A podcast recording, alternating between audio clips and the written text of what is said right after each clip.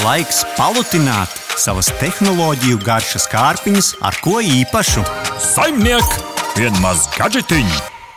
Un noslēdzošais eh, segments šeit, digitālo brokastu ēdienu kartē, kaut kas uh, ko mēs neesam kādu laiku darījuši - gadgeta apskats. Gadgeta apskats tajā klasiskajā izpratnē, un tagad man šķiet, ka mēs katru raidījumu kaut ko apskatīsim, jo rudens birums ir jūtams. Šoreiz parunāsim par kādu ierīci, kur iezīmē tādu vienu no tendencēm tehnoloģiju pasaulē, kad ierīces cenšas apmierināt vairākas cilvēku vēlmes un vajadzības. Šoreiz pie mums atnācis mūsu garšu kārpiņas pakutināts Samsung 32 colu Smart Monitor M8 jeb gudrais monitors, baltā krāsā, kurš cenšas reizē būt gan monitors, gan arī televizors. Kā tas tam izdevās, vai tas spēja abas cepures valkāt līdzvērtīgi labi, to mēs visu noskaidrosim apskatā. Un monitoru neatkarīgam un neapmaksātam apskatam mums uz testa laiku piešķīra Samsung Electronics Baltics. Nu, Rihard, ar ko tad mēs sākam?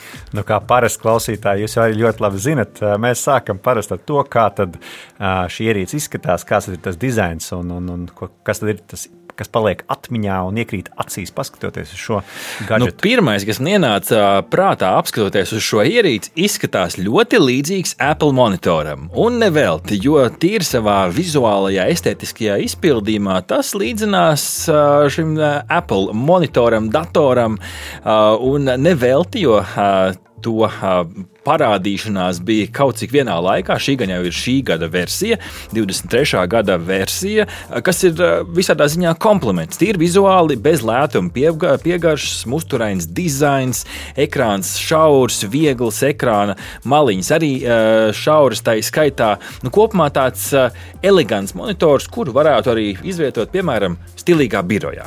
Viena centrālā kāja, kas stāv diezgan stabili, to var pacelt augstu augstāku un zemāku attiecīgi ekrānu, bet nu, ierobežot. Man nedaudz pietrūka kādi 5-10 cm, lai augšējā ekrāna maliņa būtu patiešām manā acu skata līmenī. Nu, to gan, protams, var izlabot ar kādu grāmatu apakšā un tā tālāk, bet nu, gribētos līdz tam desmitniekam nedaudz labāk.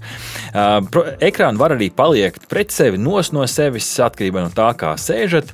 Uh, nu, tas, ko es nevarēju aizmugurē atrast, ir vēsta stiprinājums. Ja šo stiprinājums, lai uzliktu šo monitoru uz kādas kājas, varbūt slikti skatījos, varbūt vajadzīgs kāds papildus uh, gadgets šim, taču šīs klasiskās skrūvītes aizmugurē uh, neredzēju. Uh, svarīgs jautājums arī, kādi ir porti un savienojumi šajā ekrānā. Standartiņš, mikro HDMI, USB Type-C. Uh, kas interesanti, uh, neredzēju parasto HDMI spraudni. Komplektā gan nāk līdzi vats no mazā HDMI uz parasto, tātad savienot jau var ar ierīcēm. Bet, nu, piemēram, saspraust vairākas HDMI ierīces vienā šajā ierīcē iekšā, kā, piemēram, es to esmu darījis ar datoru un Xbox, piemēram, konsoli. To šeit tā vienlaicīgi vienlaicīgi izdarīt nevar. Ir jāizņem ārā attiecīgi un jāieliek uh, vats no jauna. Komplektā līdz nāk arī webkamera, kas smuki ērti piestiprinās pie aizmugurītes. Tas nozīmē, ka nu, vēl vienu tādu mēs redzam šo te tendenci. Webkamera jau nāk kopā ar monitoru, attiecīgi to nevajag pirkt. Uh, un arī smuki vizuāli tā iekļaujās un uh, neskatoties uz tā mazo izmēru, kamera arī diezgan normālā, pieņemamā kvalitātē priekš video sapulcēm jau derēs. Jā, un tad, kad galvenais jautājums, kā tas ir ekrāns, kāda bija displeja kvalitāte? Nu jā, nu redz, ka tajā brīdī esam uh, tikuši garām tam dizainam, ieslēdzam monitoru, un tad jau var novērtēt tā patieso kvalitāti. 4K izšķirtspēja 60 Hz atsvaidzes biežums, tātad tas nav gaminga monitors, spēlēšanai der, bet nu, to, nu, to smalko rafinēto 120 Hz frekvencīti šeit mēs nesaņēmām. Uh, LED panelis matēts, uh, līdz ar to gaisma neatturojas pārāk daudz, nedaudz jau atturējās no visa, bet daudz mazāk kā no tādiem spilgtiem ekrāniem. Nu, runājot par uh, spilgtumu, uh, 400 niti, kas uh, ir labi parastai lietošanai, bet ja aiz, aiz muguras ir uh, spilgts, uh, saulains lokus, nu, iespējams, gaišā dienā varētu šķist, ka prasās nedaudz, uh, nedaudz spilgtāku. Runājot par spilgtumu, ar krāsām viss arī ir kārtībā. HDR10 plus atbalsts labākām krāsām.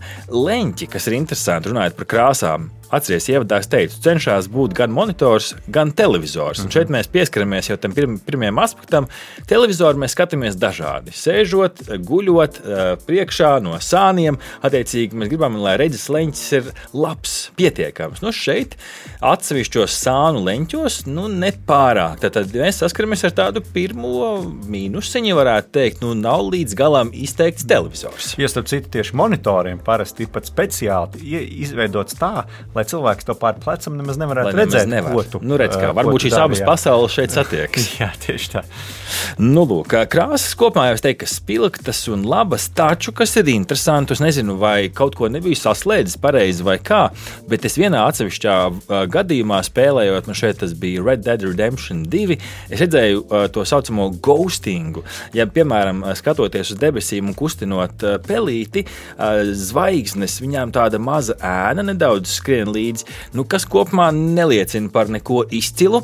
Tad šeit, ja nu, man tas gadījās, varbūt kāda kļūda, bet nu, šā, šādām lietām negribētos redzēt uz sava gaming monitora. Tad, tad priekš gaming, ne, priekš filmām tur gan šādas lietas ne, nevarēja pamanīt. Tad, nu, kā televizors viņš iespējams ir labs. Nu, šeit gan ir, man ir jāizsaka otrais, otrā tāda nopietnā kritika šai ierīcei. Man liekas, es nezinu, vai man acis ir jutīgas vai kā. Ar citiem monitoriem to tik ļoti nenovēroju, bet šajā konkrētajā gadījumā jau otro gadu pēc kārtas es novēroju to, ka manas acis ar šo monitoru daudz vairāk piekūst. Pat ar ieslēgtu iSaver režīmu, pat ar nogrieztu spilgtumu, joprojām var just, ka dienas beigās acis ir ievērojami nogurušākas. Un šeit es, es nevaru līdz galam saprast, kāpēc tā. Uh, iespējams, vienkārši kāda krāsu spilgtums un varbūt tā dinamiskā pielāgošanās, to es arī mēģināju slēgt ārā. Uh, bet nu, tomēr acis ir nogurušas, kas nu, ja mēs skatāmies uz tīri kā uz monitoru, tas nav galīgi labi, jo monitors ir kaut kas tāds, pie kā mēs strādājam. Nu, es nezinu, Rihard, visu dienu sanāk skatīties tos monitoros.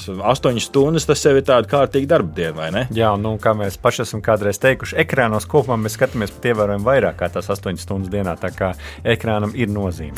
Ekrānam ir nozīme, un tad pieskaramies tā otrai cepurei televizoram. Kopumā jau tā pieredze ar televizoru, kā ar tādu Samsung televizoru, izvēle klasiska, nāk līdzi arī pults, var spaidīt dalīties starp lietotnēm. Atrodams, kā Netflix, tā TED, tā Disney, plus un visas pārējās lietotnes tur ir. Tātad nu, plusiņš tajā, ka ir ērti šo visu atrast. Patiešām klasiska televizora pieredze, kas ir sasprausta kopā ar monitoru. Es nezinu, vai daudz šeit vairāk ir, ir jākomentē, bet tādā user interface sajūtā es teiktu, klasisks Samsung televizora sajūta.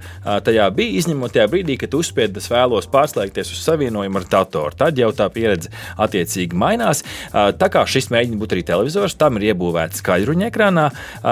Protams, nevar cerēt uz kino zāli imitējošu skaņu. Normāli ekrāna skaļruņi, es teiktu, normāli. Spēlēm es izmantoju austiņus, jo tas dod tādu atmosfēriskāku pieredzi. Labai filmu pieredzēji noteikti atsevišķi skaļruņi, bet ja vienkārši ekrānā grib paskatīties kādu īsāku video vai vienkārši tev televizors atrodas tuvu divānam, varbūt pat būs arī labi. Nu, tad pašā noslēgumā, ar ko tas varbūt īpaši izceļas, minimalistiska pults, attiecīgi tas tā, nu, kā modernam televizoram, ir arī screencasting un airplay atbalsts, var būt arī gudrās mājas centrālā ierīce, arī to atbalsta ar SmartThings. Webkamerā ir sejas sekošanas funkcija, kas var noderēt, iebūvēts internetu pārlūks, atbilstoši arī deks var pieslēgt, attiecīgi strādāt caur telefonu, un ir arī multiview skats, kur var salikt divas bildes bildes viena otrai blakus, piemēram, YouTube, un sev var filmēt kamerā, varbūt var vingrot monitoru priekšā. Sev pielietojumu neatradu, varbūt drīzāk jauks gimiks. Nu, cenus eh, mēs konkrēti nevaram minēt, bet kas man bija interesanti, nu, Latvijas salīdzinājuma lapās no 4 līdz pat 900 uh, eiro atrodas nu, šis monitors. Te gan jā, jāfiltrē līdzi, kura gada versija tā ir. Tas ir būtiski. Nu, kas tad ir tiešākais konkurents? Mans pieminētais Apple Studio Display. Nu, te gan, protams, divas pasaules. Apple Apple un Samsung. Te jau laikam vairāk personīgā preference. Nu, bet, ja gribās vienkārši 32 colu monitoru, LG, Philips, AOC un citi noteikti būs labi, ar ko salīdzināt. Nu, kopumā es teiktu, ka labs mēģinājums. Patīkami redzēt kaut ko svaigu segmentā, kur grūti pārsteigt, bet nu, grūti iztēloties, kas ir tas ideālais cilvēks, kam šis varētu derēt. Jo no vienas puses monitors, bet man līdz galam kā monitors nepatīk, no otras puses televizors. Varbūt, ja man ir maza dzīvesvieta, varbūt es esmu students, no otras puses, vai studentam būs tik daudz naudas, lai pirktu šādu monitoru. Un, un tomēr, iespējams, televizoram gribētos pieslēgt vairāk ierīču, vai ne? Arī iespējams tas. Līdz ar to nu, šis funkcionalitāšu un piedāvājumu klāsts manās acīs ļoti sašaurina to, kam šis būs labs. Bet, ja patīk, Es teiktu, ka varētu būt apsvēršanas vērts risinājums. Lūk, kāds apskats mums šorīt digitālajās brokastīs. Tā mēs arī turpināsim uz priekšu. Oktobrī, novembrī un decembrī pilns klāsts mums ar apskatiem, un tos visus servēsim jums digitālajās brokastīs.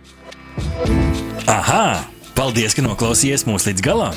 Ja patika, uzspiediet laiku, atstājiet komentāru vai padalieties ar draugiem. Un nobaudiet arī citas epizodes, kā arī sekot mums, lai nepalaistu garām savu ikdienas tehnoloģiju ziņu devumu.